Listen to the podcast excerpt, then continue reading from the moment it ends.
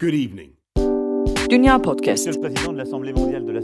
Liebe Mitbürgerinnen, liebe Mitbürger. Haftalık Dünya ve Avrupa gündemi.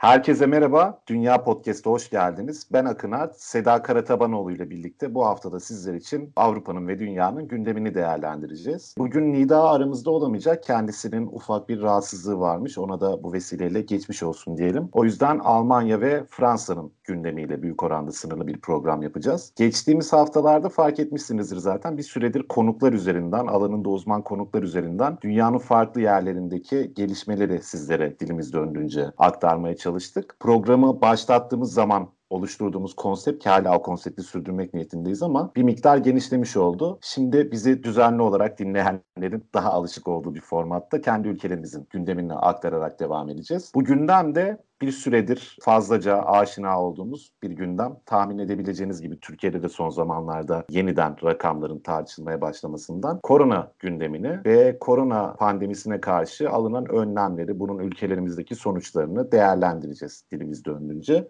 Ben önce sözü Seda'ya vereceğim. Fransa'daki gelişmeleri anlatacak o. Ondan sonra ben Almanya'yı da devam etmeye çalışacağım. Merhaba, herkese merhaba yeniden. Fransa'da Türkiye'nin ve diğer ülkelerin de gündeminde olduğunu düşünüyorum Fransa'daki artan vaka sayılarının. Son 24 saatte Fransa'da 8850 vaka tespit edildi. Aslında bu ilk etapta çok yüksek bir rakam, çok yüksek bir sayı. Ama Fransa'daki test çok yaygın durumda, yaygın test yapılıyor. Geçen hafta Başbakan Castex e, haftada 1 milyon test hedefleri olduğunu söylemişti ve şu an 800 binden fazla test yapıyoruz haftada demişti. 8850 son 24 saatte olan vaka sayısı. Ancak 18 ölüm var son 24 saatte ve 700 pardon 473 kişi yoğun bakımda tedavi görüyor. Bu aslında pandeminin ilk dönemlerinde yani zirve yaptığı dönem Mart ve Nisan ayındaki sayılara göre çok düşük bir sayı ölüm sayısı ve yoğun bakım sayısı ancak pozitiflik oranı çok fazla %4,5. Fransa genel bir konfirmasyon en başından beri yani 5 Mayıs'tan itibaren Fransa'da bir normalleşme dönemi başlamıştı ve burada işte bizim karantina dediğimiz Fransızların konfirmasyon dediği döneme asla geri dönmek istemediğini sık sık Macron'la, ekonomi bakanında ilgili bakanlar sürekli bunu tekrar ediyorlar ve bunun önüne geçmek için aslında insanların dikkatli olmaları gerektiğini söylüyorlar. Fransa'da kısa bir süre önce Ağustos başındaydı. Kamuya açık tüm kapalı alanlarda maske zorunluluğu getirilmişti ve sokakta yani dışarıda açık alandaki maske takma zorunluluğu da bölge departman yöneticilerine bırakılmıştı. Benim içinde bulunduğum e, Montpellier'de yani güneydeki Ero bölgesinde açık alanda da maske takmak zorunlu ve bu polisler tarafından çok sık denetleniyor. Yani ben buna hmm. şahit oluyorum. Büyük Cumartesi, şehirlerde nasıl biliyor musun? Paris'te, Paris'te de Paris'te de öyle. Hatta Paris'te ben böyle belki takip edenler vardır. Bisiklette kullanıyorum bu dönemde. Bisikletin çok da faydasını gördüm. Paris'te mesela bisiklet kullanırken maske takmak zorunlu değil. Ama burada böyle hani acaba Montpellier'de bisiklet kullanırken maskemi indirmeli miyim? Çünkü biraz zor oluyor özellikle böyle küçük yokuşlarda vesaire falan maskeyle çıkmak. Egzersiz yaparken herhangi bir egzersiz yaparken maske takmak tehlikeli zaten ya. Var mı? Evet öyle? tehlikeli ama işte bisiklet takarken maske takmak zorunlu değildir diye bir ifadeyle karşılaşmadığım için böyle çok gerçekten kimsenin olmadığı yerlerde hani böyle maskemi indiriyorum falan ya da böyle çıkarıyorum ya da böyle çekiyorum sağ soluklanıyorum su içiyorum vesaire falan. Burada kamu açık alanda maske takmak zorunlu. Polis munisipal dediğimiz aslında e, Fransa'da iki tür polis var. Çok doğru bir karşılaştırma olur mu bilemiyorum ama Türkiye'deki zabıtaya benzer bir polis kategorisi var. Onlar çok sık denetleme yapıyorlar, maske kontrolü yapıyorlar. E tabii dışarıda yemek yerken ya da bir yere oturduğunuzda maske takmak zorunda değilsiniz ama şeye şahit olmuş olmuştum mesela. Ee, işte maske elinde oluyor, cebinde oluyor, kolunda bir, bir çeneni indiriyorsun ya. Bir görünür bir yerinde oluyor sonuçta. Bir yere oturduğunda bir şeyler yemek ya da içmek için. Hiçbir şekilde maskesi olmayan bir e, iki insana polis maske sormuştu ve öyle bir, bir, bir süre sohbet ettiler mesela. Hani maskeniz nerede, var mı yok mu? Hani cebinden çıkarıp gösterme durumunu var. Hatta benim bulunduğum şehirdeki belediye hükümetten 100 tane daha polis talebinin bulunduğu kontrolleri arttırmak için. Aynı zamanda Fransa'da Ağustos ayı bir tatil ayı. Yani doğru ifade edebilirim sanırım bu bu şekilde. Resmen ülkeyi kapatıp tatile çıkıyor herkes. Ağustos başında böyle evde küçük bir tesisat sorunu oldu. Ee, ev sahibine söyledim dedi ki Ağustos ayı başladı ve artık tesisatçı bulmamız çok zor. Bunu bir şekilde biz çözmeliyiz dedi. Nasıl yani dedim hani bütün şehir hani tamam bir kısım çıkabilir ama hani hiç mi acil durumda çalışan yok bir şey yok. Sonra bunu böyle Ağustos'a ilerledikçe fark ettim ki gerçekten herkes tatilde. Yani bu her şey kapanıyor, bütün işlemler duruyor, herkes tatilde. Bayağı ülke tatilde. Ve bu sayıların bu kadar yüksek olmasının sebebi de aslında Fransa'nın Ağustos'a tatile çıkmasını, çıkmasının yol açtığı bir durum. Ee, çok fazla yabancı turist yok ama yerli turisti görebiliyoruz. Yani e, bu şey var Fransa... mesela Fransa'dan mesela Fransa'dan çıkıp ya, çıkış yaptın oturum izni olan biri olarak sonra Hı-hı. geri döndün. Bir risk bölgesinden döndüğün takdirde vesaire uygulanan ek bir işlem var mı? Ek bir kontrol? Hayır, hayır yok. Kısa bir süre önce bir yani kısa süre önce Türkiye'den Fransa'ya giriş yapanlar da test istiyor. Eğer testin yoksa havalimanında yapıyorlar. Ama bu bölgeden ziyade havalimanına göre de değişiyor. Yani Lyon'a indiğinizde Türkiye'deki testi Lyon kabul ederken Paris'teki havalimanı ya da Mars'taki havalimanı İstanbul'daki testi kabul etmeyip siz orada test yapabiliyor.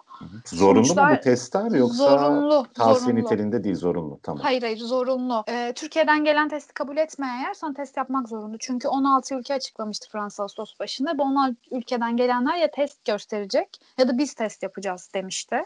Türkiye'de o ülkelerin içinde. Bu arada Paris'te dahil olmak üzere. Yani böyle bütün örnekleri Paris'ten veriyorum. Çünkü Türkiye'de belki İstanbul'la karşılaştırabileceğimiz bir yer olduğu için.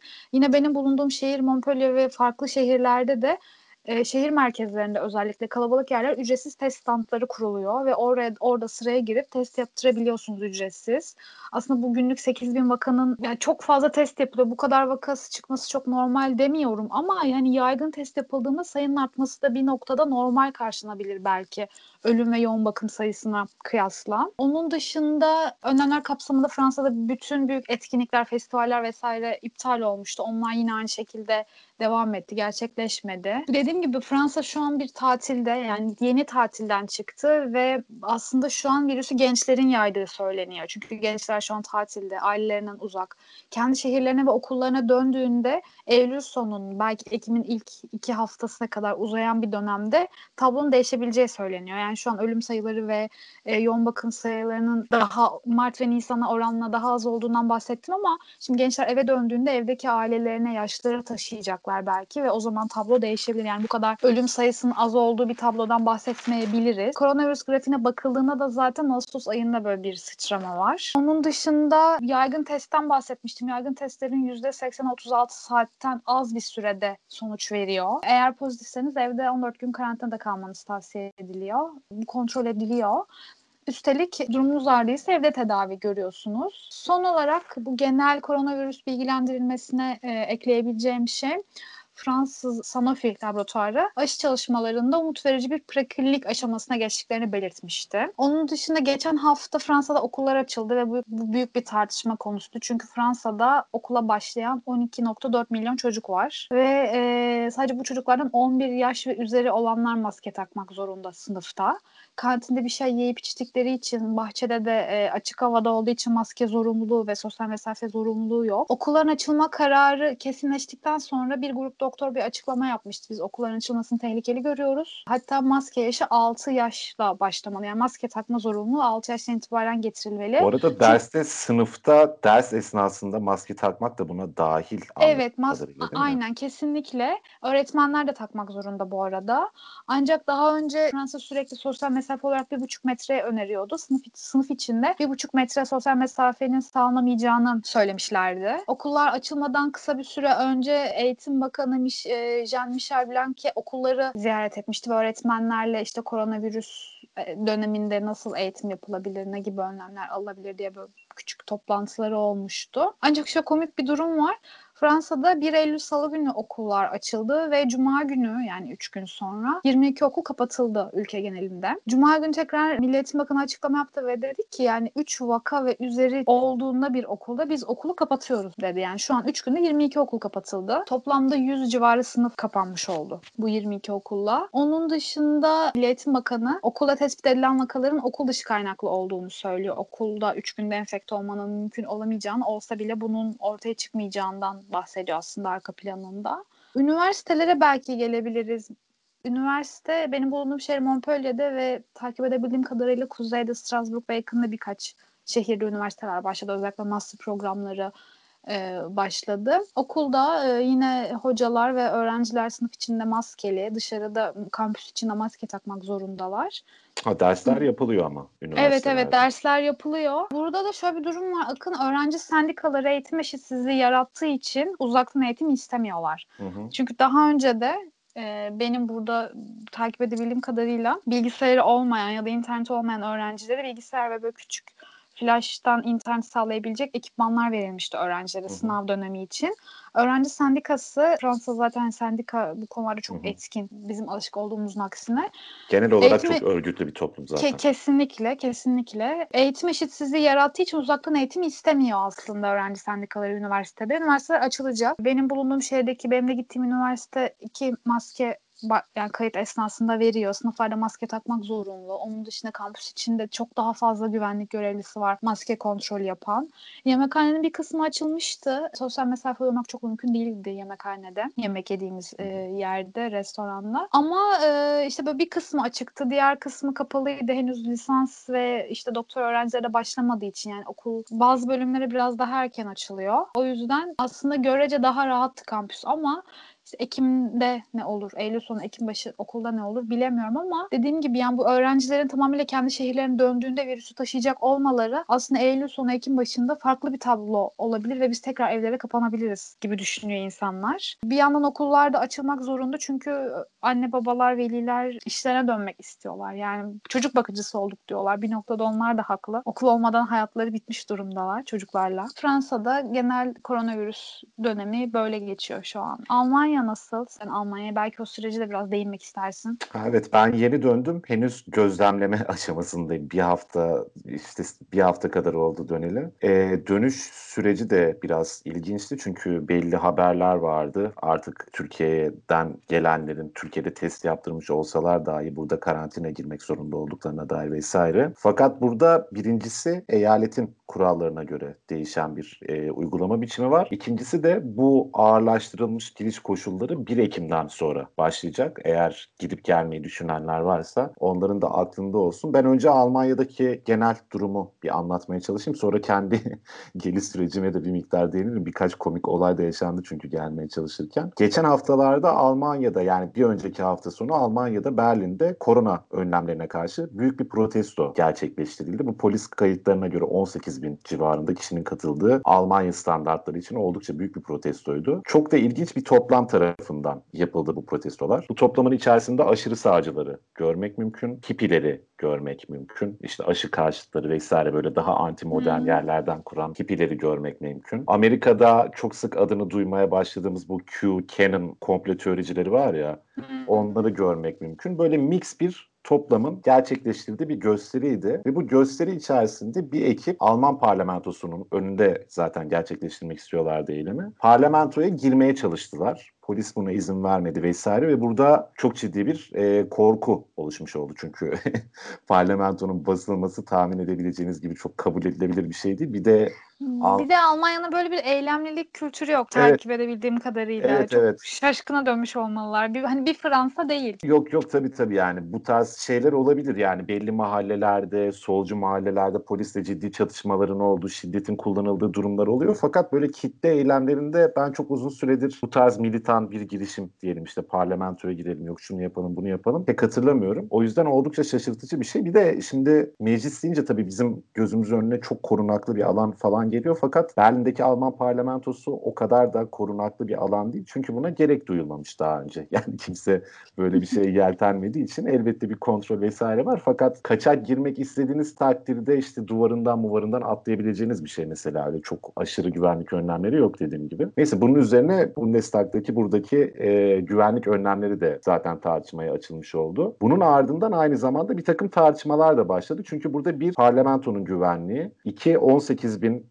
maskesiz vesaire insanın bir arada eylem yapması sebebiyle kamunun sağlık açısından güvenliği tartışmaya açılmış oldu. Ve bununla birlikte daha önce e, ırkçı bir saldırı yaşanan e, Hanover'da mesela bu saldırının anılmasına dönük bir protesto gösterisi yapılmak istendiğinde bu gösteriye izin verilmemişti. Fakat korona karşıtı önlemleri protesto etmek isteyen bu gösteriye izin verilmiş oldu. Dolayısıyla buradaki eşitsizlik de pek çok e, politik insan tarafından sorgulandı. Aslında diğer, bu diğer gösteriye izin verilmeme sebebi peki pandemi miydi? Evet, evet, aynen öyleydi. E, bu gösteriye de aslında izin verilmedi. Fakat daha sonra mahkeme işte bu eylemin yasaklanmasının kanunsuz olduğuna karar vererek eylemin gerçekleşmesini sağladı. Fakat eylemde uyulması gereken mesafe vesaire gibi kuralları uyulmadığı için zaten eylem engellendi polis tarafından dağıtıldı. En azından kısmi olarak dağıtıldı vesaire. Şimdi bu eylemden sonra çok fazla tepki geldi Alman siyasetinden. AFD yani aşırı sağcı Almanya için Alternatif Partisi hariç tüm siyasi partiler bu eylemleri tehlikeli olduğu yönünde görüş bildirdi. En sert tepkiyi de Sosyal Demokrat Parti'nin, SPD'nin eş genel başkanı Esken verdi. Covid aptalları olarak niteledi eyleme katılanları ve polisi gösteriyi dağıtmakta geç kalmakla suçladı. Biraz bunun üzerinden bunun yankılarıyla geçen bir hafta oldu aslında yani bir hafta önce olmuş olmasına rağmen bu olay dediğim gibi. Şimdi eylemlerde atılan protesto gösterilerinde atılan sloganlardan bir tanesi biz kimiz biz çoğunluğuz diye bir slogan. Fakat bunun gerçeği gösterdiğini söylemek çok mümkün değil. Çünkü yapılan bir ankete göre bu eylemleri doğru bulmayanların oranı %90'ın üzerinde Almanya'da. Yani bu önlemlere karşı ve hükümetin aldığı tedbirlere karşı belli bir tolerans olduğunu söylemek mümkün Alman halkında diyelim. Ve bu eylemin arkasından aynı zamanda yüzden fazla kişinin katıldığı protestoların tamamına maske zorunluluğu getirildi. Berlin ki bu da şu yüzden ilginç bir durum. Benim hatırladığım Almanya'nın pek çok yerinde gösteride, protesto gösterisinde yüzünüzü kapatmak suç olarak kabul edilirdi eskiden. Şimdi kapatmamak suç olarak kabul edilecek. Böyle ilginç bir durum ortaya çıkmış oldu. Ve bu gösterinin arkasından benim duyduğum hani o sıra ben yeni gelmiştim çok evden çıkmadım vesaire falan ama maske kontrollerinin de büyük oranda sıklaştığı oldu Almanya'da. Yani farklı eyaletlerdeki arkadaşlarımdan da duydum bunu. Yani böyle bir yönelim, biraz eylemin intikamı gibi mi artık bilmiyorum. Alman devletinde böyle bir yönelim oluştu. Ve daha önceki haftalarda, iki hafta önce kadar olmuştu bu sanırım ama önemli olduğunu düşündüğüm için söyleyeyim geçmiş olmasına rağmen üzerinden. Örneğin Münih'te sa akşam saat 9 ile 6 arasında alkol satışı yapılması yasaklandı ve akşam 11 ile sabah 6 arasında kamusal alanda alkol tüketimi yasaklanmış. Şimdi ben bunu şu yüzden önemsedim. Genel olarak sen de Fransa'dan bahsederken söylemiştin. Daha önce yapıldığı türde bir toplu katmaya down'a gidilmesi siyasiler tarafından çok arzulanan bir durum değil. Almanya'da da değil geçen işte dün yanlış hatırlamıyorsam Cumhurbaşkanı Frank-Walter Steinmeier bir açıklama yapmıştı. Bir ifade kullanmıştı. Şu yüzden önemli dediğim gibi Münih'teki uygulamalar belki tahmini bir şey söylüyorum yani. Buna dair çok bir verim yok ama biz böyle önlemlerle toplam kapatmalar yerine daha sık karşılaşabiliriz önümüzdeki kış aylarında. Hem Avrupa'da hem belki Türkiye'de örneğin kafelerin kapandığı değil ama sadece 5'e kadar açık tutulduğu, barların kapandığı değil ama sadece akşam 9'a 10'a kadar açık tutulduğu, hayatın tamamen durdurulmadı ama yavaşlatıldığı, böylece hastalığın yayılmasının kontrol altına al, alınmaya çalışıldığı bir şeyle karşılaşabiliriz gibi geliyor. Ee, çok ciddi bir artış olduğunu söyleyebilir miyiz Almanya'da? Bir yandan evet, bir yandan hayır. Yani yaz dönemi istatistiklerine göre çok ciddi bir artış var. Yüzdesel olarak çok ciddi bir artış var. Fakat Almanya'da da tabii ciddi sayıda test yapılıyor. 7 gündeki e, vaka sayısı 8241'di son 7 gündeki. Ben programa girmeden önce baktığımda. Yani bu az bir sayı değil. Fakat Bizim Fransa'daki günlük vaka aslında. Evet yani Avrupa'nın kalanına göre yine de iyi bir sayı diyecektim iyi olmamakla birlikte daha umut verici olan da şu bu e, R değeri dedikleri yani bir hasta kişinin kaç kişiye hastalığı bulaştırdığını ölçen rakam henüz birin üzerine çıkmış değil. Bu çok umut verici. 0.80 ile 0.90 arasında değişen bir seyir izledi şimdiye kadar. Bundan sonra da öyle yani bir süredir de öyle gitmeye devam ediyor. Dediğim gibi o yüzden e, şey bir ikinci dalgadan bahsetmek evet bir yandan mümkün ama bir yandan da çok ciddi bir e, şey olduğunu söylemek e, Avrupa'nın bazı yerlerindeki gibi Almanya özelinde henüz mümkün değil. Fakat önümüzdeki haftalarda ne olacağını tabii bilmek mümkün değil. Okullarla ilgili sen de bahsetmiştin. Burada da benim de yaşadığım eyalet olan Kuzey İran Vespalya'da örneğin önce okullarda ve dersliklerde ders esnasında maske zorunluluğu getirildi. Fakat sonra bu kaldırıldı. Bu uygulaması da çok kolay bir şey değil hakikaten yani maskeyle ders dinlemek yetişkinler için bile oldukça huzursuz edici bir şeyken çocuklar için herhalde daha da hani kontrol etmesi de zor bir şey. Daha sonra kaldırıldı. Eyalet içerisindeki vaka sayılarının henüz çok ciddi miktarda artmadığını, buna şimdilik gerek olmadığını söyledi eyalet yetkilileri. Fakat bu da tabii ki önümüzdeki haftalarda değişebilir. Ve Almanya'dan konuşurken hep şunu hatırlamak gerekiyor şimdi. Dikkat ettiysen verdiğim örnekler hep işte Münih'te şöyle oldu, Kuzey Ren Vesfalya'da böyle oldu, bilmem nerede böyle oldu. Büyük oranda eyalet yönetimlerinin inisiyatifinde burada bu tarz alınan kararlar.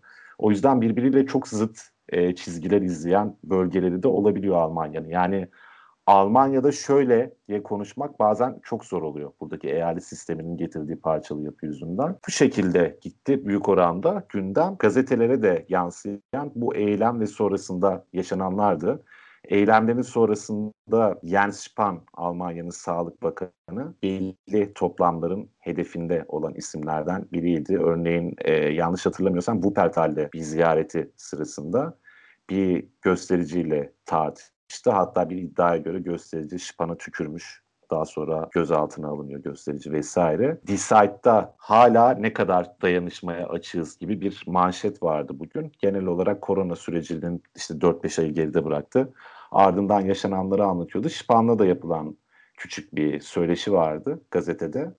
O da hükümetin belli politikalarını eleştirmenin anlaşılabilir olduğunu söylemiş. Yani belli tartışmaları da yapmakta fayda olabileceğini söylemiş. Örneğin maske tamam kullanıyoruz fakat bu ne kadar etkiliyor şeyi hani düşündüğümüz kadar çok etkiliyor mu etkilemiyor mu ya da alınan diğer önlemlere dair hani bunların bilimsel şeyleri nedir? Buna dair tartışmaların yürütülmesini elbette önemli buluyorum. Fakat bu şekilde değil demiş.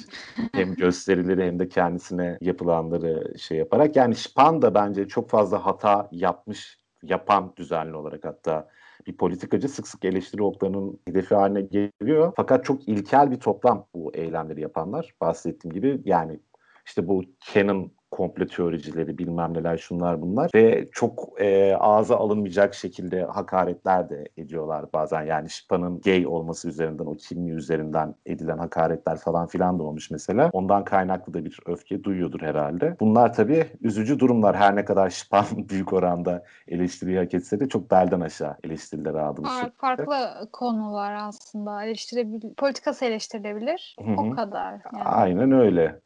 Fakat işte siyasetin gittiği derece, gittiği düzey maalesef bu eylemler sonrasında böyle söylemlerin de önünü açmış oldu. Haftalık yayınlarda da büyük oranda bu tarz tartışmalar vardı dediğim gibi. Sen sık sık Almanya'da bir bütünlük olmadığından, eyaletlere göre karar alındığından bahsettin. Aslında bu ikinci dalga dediğimiz olayı yaşarsak eğer, bu döneme girersek büyük ihtimal Fransa'da da benzer bir şey olacak. Çünkü genel bir kapatma asla istemiyorlar ve bunu sık sık söylüyorlar. Yani en basitten bir belediye başkanı bile lütfen önlemlere uyun. Yani ikinci bir kapatmayı ne ekonomimiz ne gençlerimizin psikolojisi kaldıramaz diye yani resmen yalvarıyor. E, Fransa'da dün 7 bölge daha kırmızı bölge olarak belirlendi. E, ve toplamda 20 kırmızı bölge olarak geçen yani hastalığın riskli seviyeye ulaştığı bölge sayısı 28'e yükseldi. Benim içinde bulunduğum e, işte bölgede Montpellier ve işte biraz daha Montpellier'in e, doğusunda kalan Nice aslında kırmızı bölge. Bu bahsettiğimiz güney şehirleri yerli turisti normalde de hani yerli turisti normalde de tercih ettiği şehirlerdi. E şimdi ülke dışına çok çıkamayan ya da çıkmayı tercih etmeyen insanlar e, buralara geldi ve ülke içine tatil yapma tabii ki yurt dışına göre daha e, uygun oluyor diye düşünüyorum. Bir de en son Hollanda yaşanmış bir olaydan aktaracağım. Hollanda Fransa'daki kırmızı bölgelerden gelen insanlara 10 gün karantina uygulama zorunluluğu çıkardı. Buradan iki arkadaşım Hollanda'ya e, gidecekti ve son anda öğrendiler aslında hani bizim de içinde bulunduğumuz e, kırmızı bölgelerden giden insanları e, 10 gün karantina uygulanıyor. Ama Hollanda'nın kendi içinde aslında çok da önlem aldığı hani Fransa kadar belki önlem alan bir ülke değil Hollanda. Ama Fransa'dan gelenlere karantina uyguluyor. Bir sınır kapatma durumu zaten hiç olmadı Avrupa'da. Ama bu, bu, bu tür küçük şeylerle aslında Avrupa'daki dolaşım da kısıtlanmış oldu. Bir evet noktada. evet bu da bir tartışma konusu dolaşım özgürlüğünün kısıtlanması vesaire fakat ya burada üretilen yasaların, yasakların, düzenlemelerin çoğu belli bir mantık zemininden mecburen mahrum kalıyor benim görebildiğim kadarıyla. Şimdi hem AB içerisinde çok fazla risk bölgesi diyebileceğimiz yer hala mevcut. Bunlar AB içerisinde dolaşım özgürlüğünü kısıtlamak yasal olarak daha zor olduğu için ve meşruiyet zemini de daha düşük olduğu için genelde kısıtlanmıyor. Fakat AB ülkeleri dışında örneğin Türkiye'ye çıkışlar veya başka işte risk bölgelerine çıkışlar ciddi sorunlar yaratabiliyor. Yani bunun tabii ki anlaşılır sebepleri var. Özellikle Türkiye özelinde rakamlar gerçekten fantastik derecede sabit bir seyir iz izliyorlar. Güvenilirlikleri de çok düşük. Daha önce Robert Koch Enstitüsü'nün yaptığı bir açıklama vardı. Yani eşyanın tabiatına aykırı bu kadar sabit bir e, vaka sayısı çizgisi diye. Bu anlaşılabilir. Fakat Türkiye ile ilgili düzenlemede takip edenler olmuştur belki. Şöyle bir detay vardı. İzmir, Antalya gibi işte tatil bölgeleri ne gittiğiniz zaman buralar işte risk bölgesi sayılmıyor. Fakat İstanbul'a, Ankara'ya gittiğiniz zaman buralar risk bölgesi sayılıyor. Tamam buralarda hastalığın vaka sayısı vesaire daha fazla olabilir. Fakat Antalya ve İzmir'de aslında çok e, iyi durumda olan yerler değil. Buradaki gündem şu. Almanlar veya tatil yapmak isteyenler denize girebilsin. Türkiye'de bundan ekonomik olarak faydalanabilsin diye yapılmış bir düzenleme. Ki Dışişleri Bakanı da Almanya'ya gittiğinde ne olur sınırları açın gibi bir görüşme gerçekleşmişti. Aynen öyle. Almanya Zaten. Almanlar süre... gelsin Türkiye'ye demişti. Aynen öyleydi. Zaten ondan bir süre sonra bu gelişme oluştu. Şimdi şöyle bir saçmalık ortaya çıkıyor. Şimdi ben ailemi, arkadaşlarımı görmeye İstanbul'a gittiğimde burası risk bölgesi sayılıyor ve bunun bir takım yaptırımları var. Fakat bir Alman buradan denize girmeye gittiğinde bu risk bölgesi sayılmıyor. Şimdi bu birincisi adil bir durum değil bence açık konuşmak gerekirse. İkincisi AB içerisindeki kontrollerin çok da fazla yapılamadığını bu dolaşım özgürlüğü sebebiyle söylemek mümkün. Üçüncüsü tüm bunlara rağmen mesela Türkiye'ye dair getirilen uygulamaların da uygulanabildiğini söylemek çok mümkün değil. Şimdi ben kendi geliş serüvenimi anlatacağım. Bir düzenleme getirilmiş. Bence saçma bir düzenleme ama getirilmiş. En azından bu şekilde uygulansın. Fakat o da olmuyor. En az 48 saat, pardon 48 saati geçmemiş bir test götürmeniz gerekiyor biliyorsunuz. Türkiye'den Avrupa Birliği'nin herhangi bir ülkesine giderken Fransa'da da aynı sanırım değil mi? Sadece Almanya'da. Fransa 72 saat olarak açıklamıştı. Ha, tamam 48 saat Almanya için o zaman. Şimdi birkaç yeri aradım ben. Gitmeden işte birkaç gün önce test yaptıracağım. Bunun için randevu almak istiyorum. Yurt dışına çıkış amaçlı COVID-19 testi yaptırmak istiyorum diyorum. Çünkü bunun adı bu. Yani bu herhangi bir COVID-19 testi değil. Bunun belli bir yöntemi var. O yöntemi kabul ediyor abi ülkeleri ve belli bir süre içerisinde çıkmak zorunda. Dolayısıyla buna göre örgütlenmiş bir yapısı olmak zorunda. Sağlık Bakanlığı'nın listesinin de bunu sağladığını biz varsayıyoruz doğal olarak. Fakat arıyorum söylenen genelde işte ortalama 48 saat içerisinde testin çıkacağı oluyor. O 48 saat içinde çıktıktan sonra benim işime yaramıyor zaten. Dolayısıyla manası kalmıyor bu durumun. Bir sürü yerde e, buldum. 24 saat içerisinde çıkacağını söylediler. Pazar günüydü bu arada benim test yaptırdığım gün. Pazartesi günü uçacağım. E, ertesi gün test sonucumu almaya gittim. 24 saati geçtikten sonra hatta 30 saati falan bulmuştu yani. Çıkmadığını henüz. Daha doğrusu test sonucumun çıktığını fakat e, negatif çıktığını fakat işte evraklaştırılmadığını söylediler. Ben de acelem olduğunu vesaire söyledim. Biraz baskı yapmak durumunda kaldım. Tabii uçağım olduğu için. Bunun üzerine bir test sonucu çıkardılar. Bana verdiler. Ben o test sonucunu aldım. Tam işte arabaya doğru gidiyorum. Bir kağıda baktım hani ne yazıyor üstünde diye. İsmimin yanlış yazıldığını gördüm. Yani benim ismimi kapsayan tam olarak başka bir isim vardı orada. Yani Akın Art yazmıyordu. Akın Artun Erdoğan gibi bir şey yazıyordu. Aslında bayağı sonucu. başkasının test sonucunu sana verdi. Evet evet yani bunun gibi bir isimdi tam hatırlamıyorum şimdi de. Geri gittim ya dedim ismimi yanlış yazmışsınız vesaire. E, baktılar başka birisinin test sonucuymuş verdim kağıdı. Yani ondan sonra benimkinin henüz evraklaştırılmadığını tekrar söylediler. İşte beklemem gerektiği şudur budur. Orada tartışık vesaire. Neyse burada sağlık çalışanlarını falan suçlamak istemiyorum. Yanlış anlaşılmasın. Fakat e, ortada verilmiş bir vaat var. Yani bizim yurt dışına çıkmadan önce şöyle şöyle bir test yaptırmak zorunda olduğumuz ve bu testin Türkiye sağlık sistemi tarafından sağlanabileceğine dair böyle bir söz verilmiş. Fakat yani bilmiyorum artık hastanelerin altyapısı mı bunu kaldırmıyor. Yani sonuçta bir sürü korona vakası da var. Onların testlerinin yapılması lazım. Bir yandan işte tatil için gelen çok fazla insan var belli ki onların testlerinin yapılması lazım. Yani sağlık çalışanları da buna herhalde yetişemiyor. Bana da çok yardımcı olmaya çalıştılar fakat durum dediğim gibi yani yetişemiyorlar.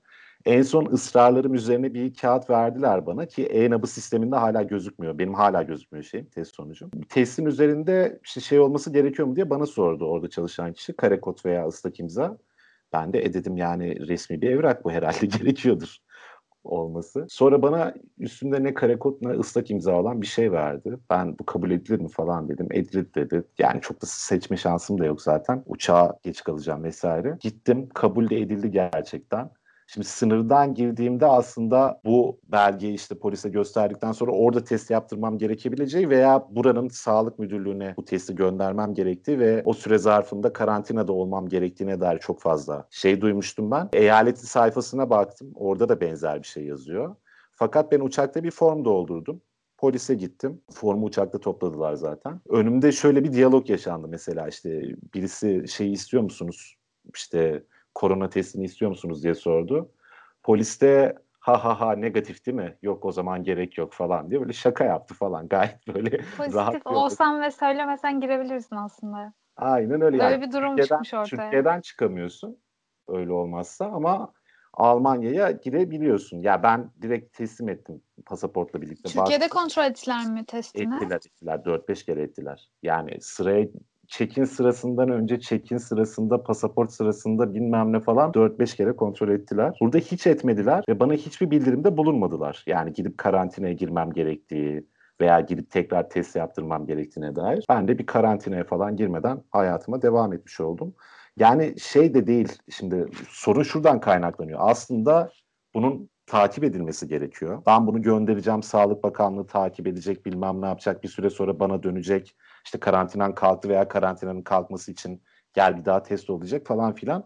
Bunu yapabilecek bir altyapı yok. Bu kadar laf kalabalığında söylemeye çalıştığım şey buydu. Maalesef koyulan kuralların uygulanması ve takip edilmesi yönünde hem Türkiye'de hem Almanya'da benim gördüğüm kadarıyla ciddi bir zaaf var. Bunun da olası sonuçlar yaratması mümkün önümüzdeki günlerde gibi geliyor bana. Böyle şey yapmış oldum. Daha önce de Almanya'dan pardon Türkiye'den Almanya'ya giden yanlış hatırlamıyorsam 500 dü- civarı kişi pozitif olarak çıkmıştı testi. O Almanya'da da böyle küçük bir gündem olmuştu. Zaten o aynen öyle dediğin gibi iyi oldu senin eklediğin. Ee, onun üzerine zaten bu yeni düzenlemelerin getirilmesi tartışılmaya başlandı. Öyle bir durum oluşmuş. Benim Almanya özelinde söyleyeceklerim aşağı yukarı bu kadar. Senin yoksa söyleyeceğim bir şey istiyorsan programı da ufak ufak kapatalım. Kapatalım. Benim ekleyebileceğim herhangi bir şey yok. Zaten eğer tekrar evlere kapanırsak da büyük ihtimal bu sefer bölgesel olacak. Tatilciler döndükten sonra belki tekrar bölgemiz yeşile döner ve bir nebze de olsa hayatımıza devam ederiz. Pardon diye düşünüyorum. E, önümüzdeki hafta tekrar görüşmek üzere diyelim o zaman. Evet öyle diyelim. Bir haftalık bir ara vermiştik. Ee, bundan sonra haftalık yani yaz tatili sebebiyle bizler de bir hafta ara vermeyi uygun gördük. Kendimize izin vermiş olduk geçen hafta. Önümüzdeki haftalardan itibaren yine muhtemelen her pazartesi günü ama olmasa da haftalık olarak e, düzenli programımızda gitmeye devam edeceğiz. Hepinize hoşçakalın. Görüşmek üzere. Hoşçakalın.